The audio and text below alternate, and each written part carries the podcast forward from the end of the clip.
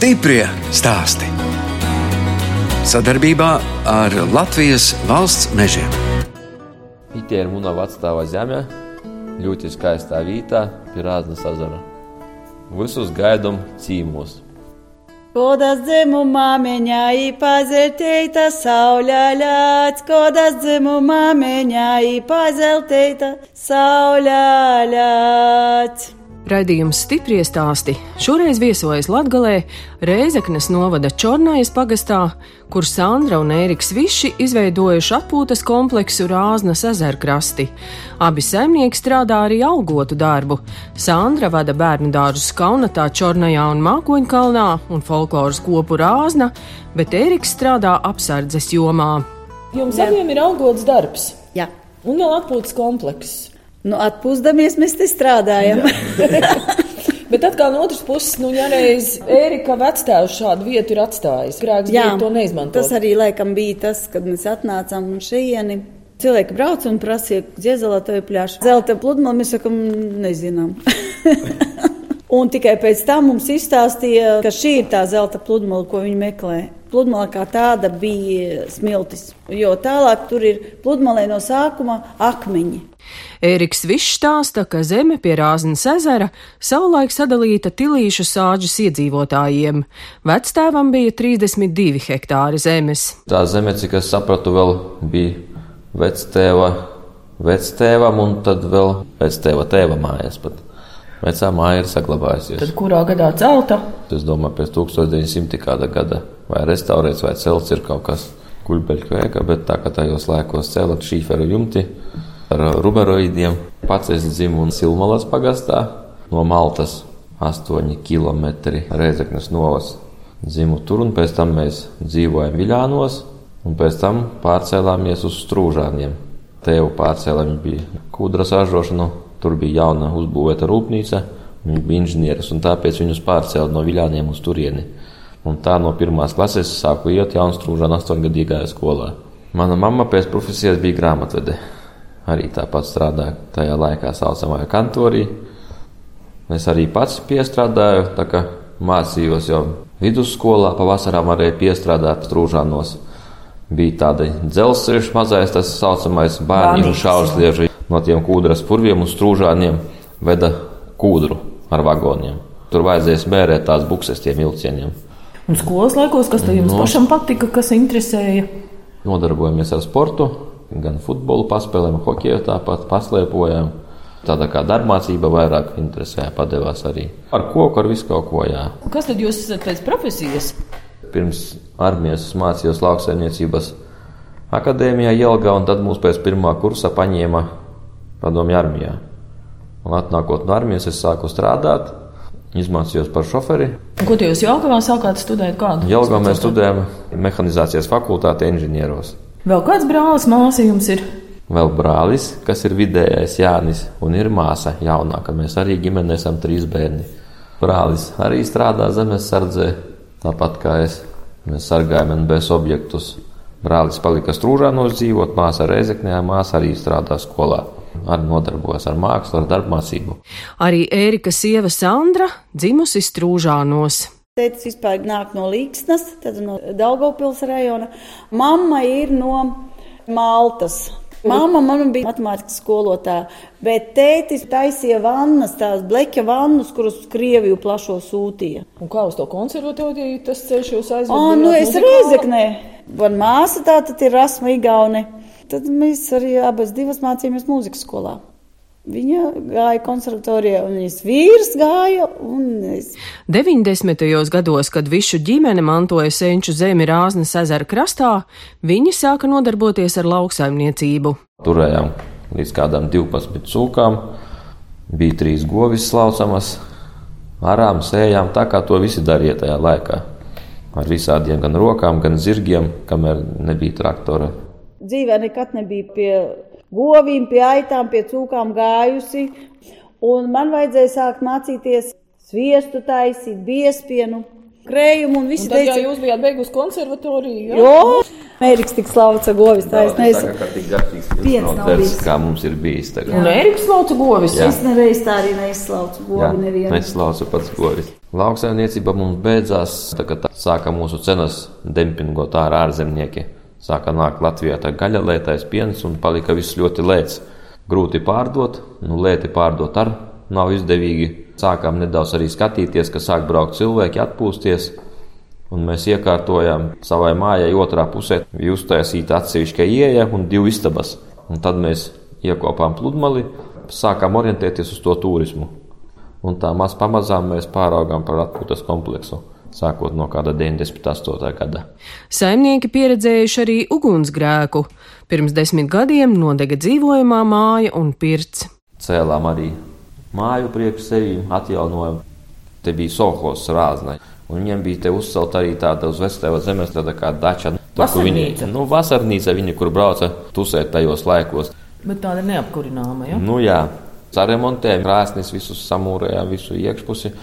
Un Jā. kā aizdegās? Nu, tur otrā stāvā kaut kas nevarēja saprast, vai nu dators bija vai kas. Bet bija ļoti liels vējš un nevarēja nodzēst. Un vēl tā krīzes situācija bija ugunsdzēsējos. Nu, samazinātās vienības, cilvēku maz bija arī. Pagastā jau nav uguns. Pagastā nav, ir tikai Reizekne un Maltā tie, kas tuvākie pieejamie. Un bija ļoti, ļoti liels vējš, un tāpēc tā sanāca. Daudzi palīdzēja uzreiz, tāpat brauca visu, ko piedāvāja, visu atveda drēbes, kas vēl kaut ko. Bet sadega pilnīgi viss. Kamēr otrais stāvs dega, es tāpat vēl kaut kādu daļu paspēju iznest tās drēbes ārā, kas tur bija pieejams. Kamēr tur ar ugunsdzēsēju vēl bija arī dzēsa. Kaut kādus dokumentus, vēl kaut ko iznest daļu, ko varēja. Nu, bija liela cilvēka atsaucība, tāpat arī bija mums koncerts. Rasma bija organizējusi Sandras māsa tādu labdarības koncertu arī. Tur tika saziedota Šeit nauda. kaut kur čornais pagastā. Nē, viņa tika reizeknē. Uzstājās pat Igauniju ģimene. Paveicās tas, ka bija īpašums apdrošināts, tika saņemta apdrošināšanas nauda.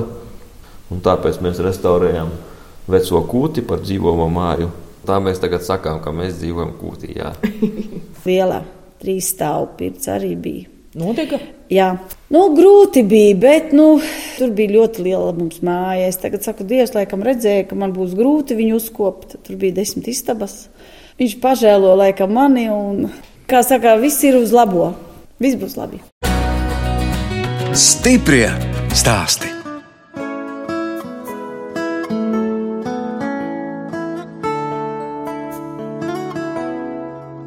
Jūs klausāties raidījumu stipri stāstī. Šoreiz ciemojos Rēzeknes novada Čornājas pagasta atpūtas kompleksā Rāznas ezerkrasti pie Sandras un Ērika Višiem. Blakus Rāznas ezeram esošajā dīķī dzirdams varžu koris, bet Rāznas ezers manā viesošanās dienā ir neparasti mierīgs. Ezera krastā jau atrodas laivas un katamarāni, saimniekiem ir arī veidēļi un supdēļi. Pludmalē ir smiltis gluži kā jūras krastā. Zelta pludmale šitā visa skaitās. Te reku. ūdens, nu, Ūdens ka ir. būs tīrs, un viņa iet pakāpeniski. Un kas tad tur otrā krastā ir? Tur ir mākoņkalns, re, kur lielais Lielais. mākoņkalns. Ah, tur tas pacēlums. Jā, jā tur ir mākoņkalns, un tur atkal ir liepu kalns lielais. Atpūtas kompleksa pievienotā vērtība, protams, ir Rāznas ezers, otrs lielākais ezers Latvijā. Kā man teica, Vestēvs badā nenomirs. Varbūt ar to pat makšķeri aiziet kādu zivju izvilkt priekš sevīm, lai nenomirtu badā. Un 17 metri dziļākā vieta. Un tāpat viņš aizņem četru pagastu teritorijas sanāk. Nu, Rāznas ezers ir bagāts ar visām zivīm, pat ar lašveidīgajām. Ir sīgas, pat saucamās zuši, novada īpašumā ezers ir, un vienkārši novads iznomā tās zvejas tiesības, tos tīklu limitus rūpnieciskai zvejai. Bet, kā jūs teicāt, laikam par daudz, jā, to zvejnieku, makšķernieku. Nu, vajadzētu tomēr ezeram saimnieku paskatīties, pasekot līdzi. Jo atceroties no bērnības zivju daudzumus un salīdzinot, tagad zivju daudzumu ir diena kā pret nakti. Un kaut kāda zivju mazuļus arī Nu, Rāznas ezerā ielaiž. Ielaida pagājušā gada zandartus pašvaldībā. Tikai tā kā apsaimniekoja viena firma, tika laisti kaut kad zušu mazuļi. Atrodamies mēs arī Rāznas dabas parka teritorijā. Visi grib uz viņu komandēt uz tā ezera, bet tāda kā saimnieka tieši ezeram nav, kas varētu to visu saregulēt. Gan tās zvejas tiesības, tāpat arī paskatīties, vai tie lomi tiek ķerti, piemēram, tā kā atļautās trīs līdekas, tad arī trīs līdekas ķer tie zvejnieki. Nevis tā kā paklausās, te viņa veturie ķeras vairāk mājās. Brāzens ezers, otrs lielākais ezers Latvijā. Nu, cik daudz ir viesu mājas ezera krastā? Diezgan daudz viesu mājas. Daudzas varbūt izbeidz darbu, tad daudzas sāk darbu no jauna. Daudzi ziemā arī nestrādā, jo ar turistiem ir jādarbojas visu laiku. Tāpat arī nolietojas inventārs, visu laiku kaut ko vajag darīt, uzkopt, remontēt. Bet turisti brauc visu cauru gadu? Jā, ziemā sanāk kādas jubilejas, vēl jaunais gads, Ziemassvētki, ko cilvēki vairāk pasvin, paskatās kaut kur uz vietas. Bet droši vien kāda pirtiņa arī jums ir? Nu, pirtiņas mums ir divās mājās. Nu, tās arī cilvēki izmanto. Es tā lasīju, ka vispār jums ir diezgan daudz arī tādu nu, sportisku piedāvājumu.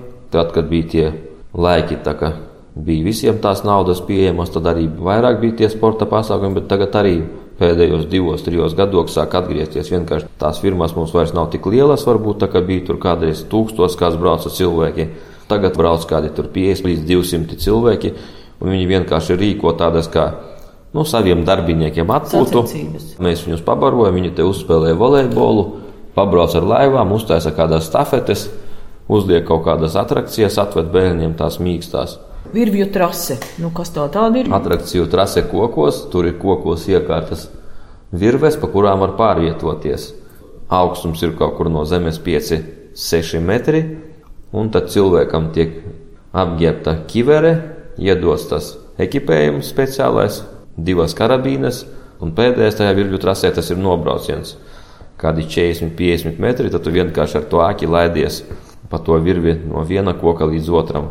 Virvju trase mums ņemas vecākā meita Santa. Viņa arī tur rakstīja projektus Eiropā. Virvju trase ir viena lielā un otra mazā.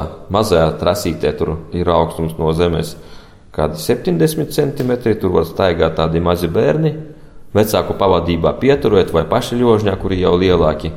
Mēs arī ēdinām tos cilvēkus, rakstījām projektu Eiropas naudas piesaistēji. Tika aprīkota kafejnīca, tika aprīkota virtuve. Latvija ar to savu kulināro Jā. mantojumu tomēr arī cilvēks piesaista. Jā, kulinārais mantojums tieši Latvijā nodibinājās gadus 14, 15 atpakaļ.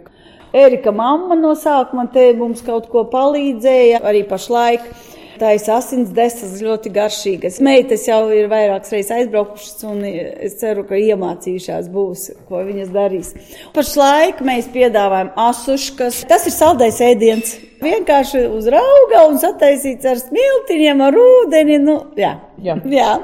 Tad mēs eh, guļbešniekus piedāvājam, kartupeļu iekšā ar gaļu. Manai vecmāmai, viņa līksnā dzīvoja, mēs braucām, viņai bija vienmēr kartupeļu torte uz rupjās rīves arī veikt kartupeļu vienkārši. Un iekšā tajā krāsnī tur sviesta daudz, krējuma bija. Ļoti pieprasīta ir zivju zupa arī. To mums vienmēr vāra ēriks. Visas zivis var izmantot. Bet arī pielikt, varētu, ja, ja ir iespējams dabūt kādu zuti, arī sagriezt, ielikt priekšgaršas. Un pats beigās neaizmirst tajā zivju zupā ieliet arī glāzi šņabļa. Un tā jūs cik lielā katlā vārat? Nu, mēs vāram vienmēr kaut kādu divu spaiņu katlas lielais uz ugunskura, jo principā cilvēki ir kādi, nu, 50, 60. Bet tad, kad brauc pie jums, teiksim, kāzinieki, kāzinieki ar gribu latgalas ēdienus ēst, tie prasa karbonādi tomēr. Kāzās vairāk, nu, ribiņas, tomēr iet jaunie tie ēdieni vairāk. Kaut gan ir tematiskās ballītes. Mums prasīja, tā kā padomju laikā, visu, lai būtu mors, ievārījuma un viss, un silķis. Daudzi sāk atgriezties pie tā vienkāršā.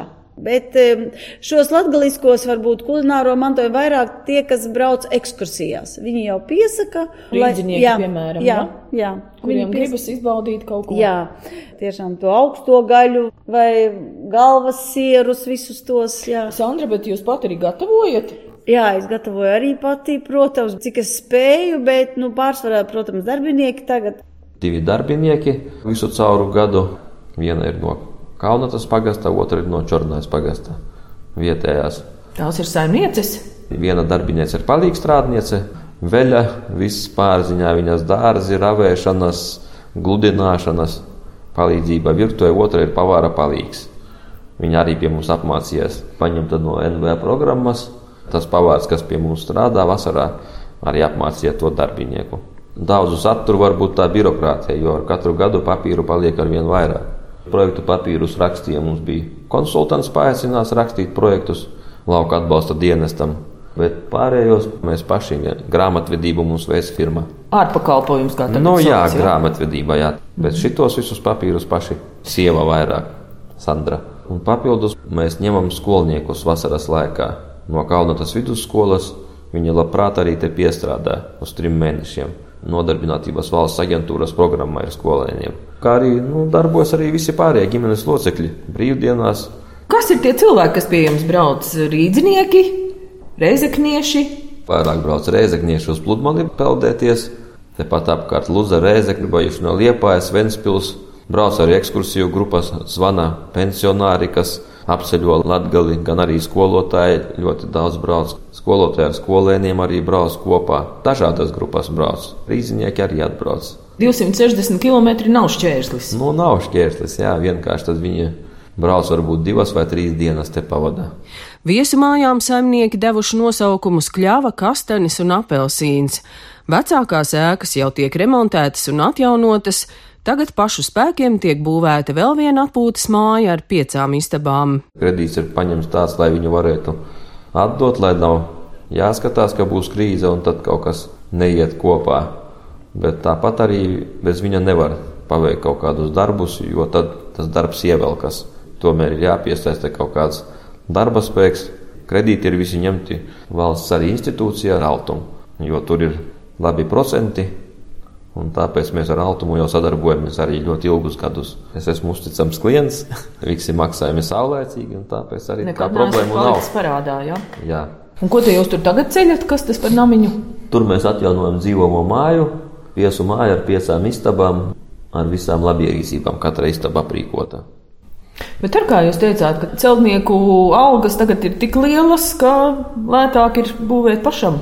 Nu, lētāk ir būvēt pašam, jā, jo Mums celtnieki tagad Latvijā labi celtnieki saņem labi, un lai varētu viņam, piemēram, to darbu piedāvāt, tad arī viņam ir jāmaksā labi, lai viņš kārtīgi veiktu to darbu. Tāpēc arī mēs brīvajā laikā tagad tā māja tiek veikta pašu spēkiem. Un ko nozīmē mēs? Ar ko kopā? No, nu, ar visu ceļot? ģimeni. Meitas arī? Meitas nāk palīgā krāsot, kaut ko pieturēt, dēls skrūvē, tāpat arī iznots nāk palīgā. Darbojamies visi, ko katrs var. Es jau vairāk divi... pakomandēju. Jā, nu, komandieri arī vajag. Citādi nu, jau.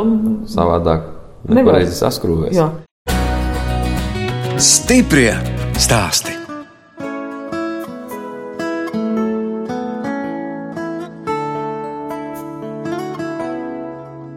Skan raidījums stipri stāsti. Esmu Latgalē Rēzeknes novada Čornais pagasta atpūtas kompleksā Rāznas ezerkrasti pie Sandras un Ērika Višiem. Saimniekiem ir trīs bērni - meitas Santa un Daiga un dēls Jānis. Visi bērni mācījušies mūzikas skolā, un tas, protams, ir mammas mūzikas pedagoģis nopelns. Nevajag man, lai viņš būtu liels mākslinieks, bet eh, bērnam tieši pirkstos ir sīkā muskulatūra, motorika, visa. Tieši tas attīsta tieši bērni. Jo arī, kad mēs taisām visādas aptaujas, pētījumus, tieši tie bērni, kur iet mūzikas skolā, viņi ir vi visur. visur. Viņi skrien, viņi sporto, viņi matemātikā, viņi fizikā, viņi Latviešu valodā viņi ir tie, kuri visur ir. Bet jūs bērni arī katrs mācījās savu mūzikas instrumentu. Jā, Santa mums mācījās violi. Viņa aizgāja uz vidus inženieriem, viņa izmācījās un magistratūra, bet pašlaik viņa vēl mācās jau trešā par pedagogu. Un viņa bērnu dārzā tagad viņa māca mūziku. Otrā meitā tā uz valodām vairāk, viņa arī vidas dizains. Daiga spēlē flautu. Un Jančuks mums spēlēja akordeonu. Vesela ģimenes orķestris. Bija laiks, kad mēs jā, braucām un koncertējām. koncertējām. Bet nu, pašlaik viss ir apstājies. Bērni ir izauguši, bērni. Jā. Jā, tieši tā. Katrs deva savu. Es par jums jau internetā izlasīju, ka jūs esat saņēmuši arī tādā balvojuma aktīvākā ģimene. Sportojam paši, taisam arī šeit pasākumus līgo vakar. Mums vairākus gadus, kādus sešus, septiņus bija pagājuši gadu nebija. Bet šogad prasās folkloras kopas, kā uz kalna liela ielīgošana mēs taisām. Un pašā kalna galā tur ir lielais ugunskurs, bet mēs svinam tieši tad, kad vasaras saule griež. Jums ne tikai trīs bērni, bet arī trīs mazbērni jau ir. Jā, mums ir jau trīs mazbērni. Es savus bērnus neredzēju tik ļoti daudz, kā laikam mazbērnus. Mazbērni cik veci? Vecākajam septiņi, vidējais ir pieci, un mazajai tūlīt uz līgo 24. būs gads. Viņi visi ir uz aburta, Agris, Andrzejs, Amanda, un znots mums arī ir Arturs. Tas un ir prieks. Znots nodarbojas ikdienā. Znots mums ir krimināla policijā. Rados mēs teicām, mums pie galda ar meitu vecāko nav ko darīt. Visi pogainie sēž. Rados arī mums ir robežsardze, ugunsdzēsējs vēl. Nu, bet gal galā mēs esam pierobežas reģionā. Tas jā, ir normāli. Jā, tas ir normāli, jā. jā. Mēs jūtamies droši. Naktīs guļam droši. Saimnieks Ēriks Višs ir zemesargs, bet abi jaunākie bērni, Daiga un Jānis, ir Nacionālo bruņoto spēku karavīri. Es esmu zemesargs no 92. gada, tāpat arī tagad darbojos uz līguma pamata NBS objektu apsardzē. Biju misija Afganistānā, mācu jaunos tagad vairāk. Un kāpēc jūs iestājāties zemesardzē? Nu, Latvija bija atguvusi neatkarību, jā.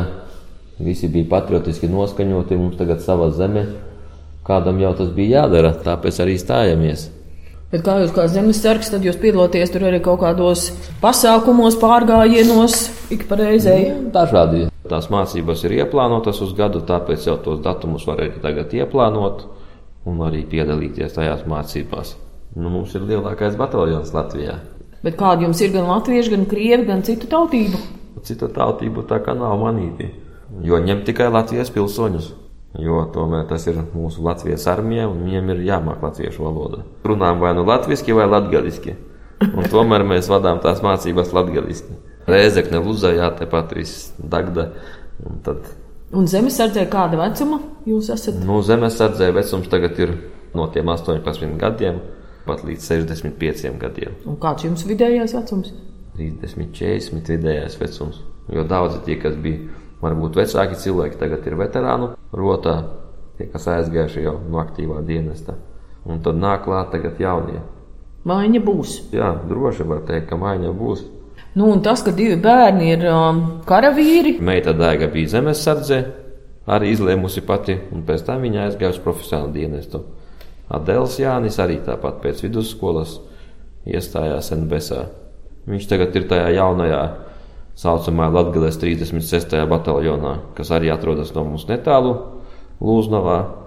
Varbūt arī tas piesaistīja, tāpat arī es domāju, ka alga no pirmās dienas, kā arī sociālās garantijas. No karavīram nav vieglāka dzīve. Viņiem tāpatās visu laiku ir jābūt labā fiziskā formā, dzīvo pa divām pa nedēļām mežā tāpat. Daiga bija pieci gadi ādažos, un tagad viņa arī pārcēlās uz šejienu uz 36. bataljonu. Nu, vienīgais labums tuvu mājām, vai ne? Nu, jā, Un jā. cik bieži viņi var atbraukt? Tagad viņi brauc uz darbu katru dienu.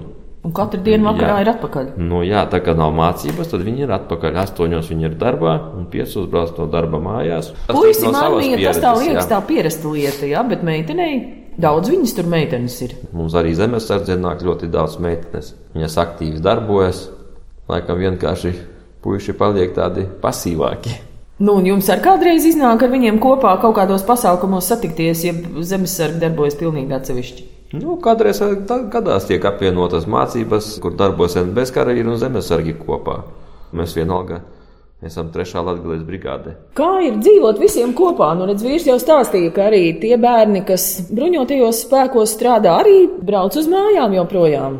Tā ir tā latgaliskā iezīme, tās lielās dzimtas. Nezinu, tas laikam ir prieks visiem saku. Laikam jau labi ir pie mums, ka viņi atgriezās visi. Santai arī kā dzīvoklī dzīvojam, kad Daiga mācījās, arī bija dzīvoklis, un vienā momentā Santa mums pajautāja, vai viņa varētu nākt pie mums dzīvot. Pēc diviem vai cik mēnešiem Daiga arī pameta dzīvokli un braukāja. Un bija tie dzīvokļi? Reizeknē. Un Jančuks arī gāja ar domu tādu, ka viņš atgriezīsies. Pašlaik viņi visi te tieši šogad. Visus darbus var vieglāk padarīt. Visi strādā, un visi tā kā čaklīs, nevar žēloties. Mēs jau nezinām, kā tālāk viņam tā dzīve iegrozīsies. Bet, nu, pašlaik mēs dzīvojam visi. Santa ir atsevišķi, bet Jančuks ar Daigu jādzīvo ar mums kopā. Daiga otrā stāvs, viss ir viņai atdots, un Jančuks ir lejā. Cik tam Jančukam gadu? Tūlīt būs 20. Ah, nu tad vēl var saukt par Jančuku. Jā. Jančuks, viņš arī būs Jančuks visiem, jo Erikam ir brālis Jānis, viņam onkulis Jānis un Jānis. Jānis viņš. Vēl vaļasprieks ir makšķerēšana, bet ar to makšķerēšanu tā ir kā ir, jo arī vajag visu laiku kaut ko darīt. Makšķerēšanai atliek mazāk laika. Vairāk jau rudenī arī, kā mēs sakām, uz tiem asariem. Man te paziņas, kā ar zivīm mēs sakām, nu kā redzat, re, ko ezers ir. Vairāk neko nevar pateikt. nevar pateikt vairāk neko, jā. Un kur te jūs ejat sēnēs? Sēnēs mēs ejam tepat uz tuvāko mežmalu. Un kas tad te aug? Nu, aug arī dažādas sēnes. Sākot ar tāpat bezlapēm, saucamās apšubekas, kā mēs saucam, lācenes, tad aug arī baravikas, rudmieses, jā, tad nāk arī bekas. Rudenī jau arī parādās tie pat vilnīši un vēl tādas zaļās cūcenes. Arī daiga bieži aiziet pasēņot. Un kurš tad pēc tam cep tās sēnes un vāna? Nu, pēc tam ir jācep mammai sēnes. Sievai. jā. Vispār man agrāk patika radīt. Agrāk, es, eh, tad, kad man bija folklora, vēl tikai es visiem zeķi sādīju, visiem sēdēdam vakars. Tieši šogad kaut kā atkal sāk pēc ilga, ilga laika, laikam gadus piecus nebija ņēmusies tās tādas rokā. Un bija atkal desmit kādus pārus savējiem sādīju. Nu, vēl man patīk ceļot. Pēdējos gados esam aizbraukuši atpūsties uz siltām zemēm. Bijām Turcijā, tad vienu gadu uz Eģipti aizbraucām. Ar visu ģimeni un bērniem? Uz Turciju bijām ar bērniem, uz Eģipti divatā, jo tagad bērni tāpat visi strādā. Viņiem ir savādāk, tagad jau nevar vairs tā tikt. Patiesi es ļoti daudz kur biju. Nu, droši vien folkloras kolektīviem. Jā, es biju Malaizijā, Brazīlijā, Venecijā, Singapūrā, Ķīna, Eiropā. Visi, jā. Šogad es biju Marokā, Āfrikā. Izstāstiet vēl par Čornais pagastu, ko te cilvēki dara. Čornais pagastā ir tās viesumājas, kas nodarbojas ar turismu. Tad arī ir zemniecība. Ir divi ciemi, ir Čornais ciems un ir Ratnieku ciems. Tur ir tādi līdzenāki lauki, tur ļoti zemnieki lieli. Ir arī čornais pagastā zemnieki. Pārsvarā tagad audzē graudus. Nāk klāt, cik es zinu, arī tie gaļas lopi. Tāpat ir cilvēki, kas nodarbojas ar to pat rūpniecisko zveju. Piešķirti tie tīklu limiti, kas arī zvejo pārdot tās zivis, un tās zivis arī kūpina. Govis ganās apkārt, nodarbojas, kas ar lopkopību arī pārdot to pienu, jo mums kaunatā ir tā pienotava kauna, tas vēl strādā, darbojas gateri arī. Tā vēl ir pašvaldība, tāpat kultūras nams, skola šeit nav, skola tika likvidēta, skola ir kaunatā vidusskola, kur tiek vesti apkārtējo ciematu bērni. Nu, tāpat arī Rēzekne tuvu. Cilvēki strādā arī Rēzeknē. Daudz arī brauc uz ārzemēm, strādā un pēc tam atbrauc te pat dzīvo, atkal brauc strādāt uz ārzemēm.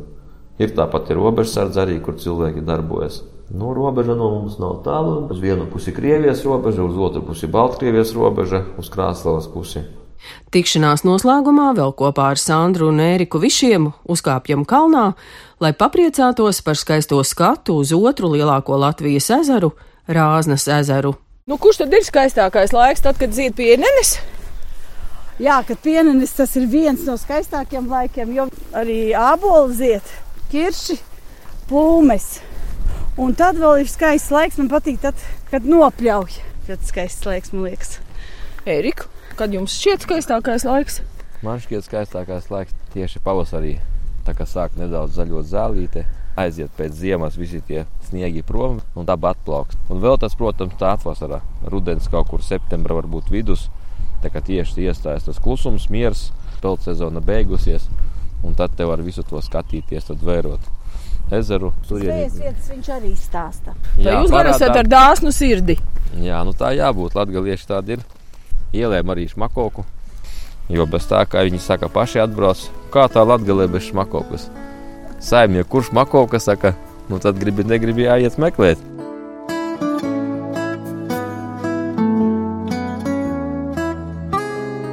Redījums stipri stāst izskan, un mēs atvadāmies no Sandras un Ērika Višiem, kas algotu darbu apvieno ar atpūtas kompleksa vadīšanu Reizeknes novada Čornais pagastā. Viņiem ir gan algoti darbinieki, daudz palīdz arī trīs bērni.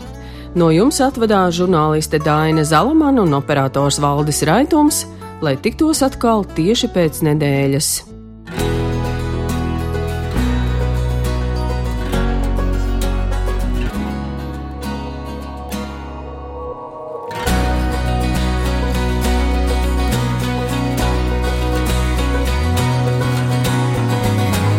Stiprie stāsti.